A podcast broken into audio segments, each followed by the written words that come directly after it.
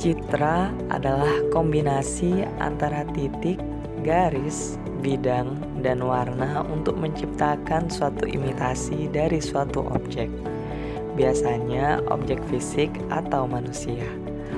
Maka dalam bercitra atau pencitraan, titik itu berarti planning, garis adalah usahanya, bidang adalah hasil realisasinya, dan warna adalah evaluasi dan perbaikan dalam kehidupan.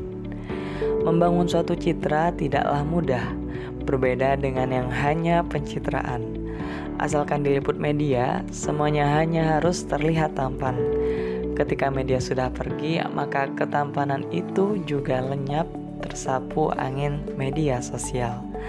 Menciptakan suatu citra dalam hidup adalah keniscayaan setiap orang gak bakal ada yang ingin mencitrakan bahwa dirinya itu buruk.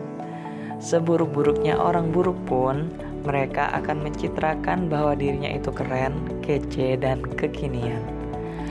Maka dari itu, pemenuhan suatu citra adalah hal yang wajib agar kita tidak menjadi orang yang munafik, bermuka dua, hanya baik di luar saja dan sosial media, tetapi di belakang bak menemani setan santai ngopi berdua.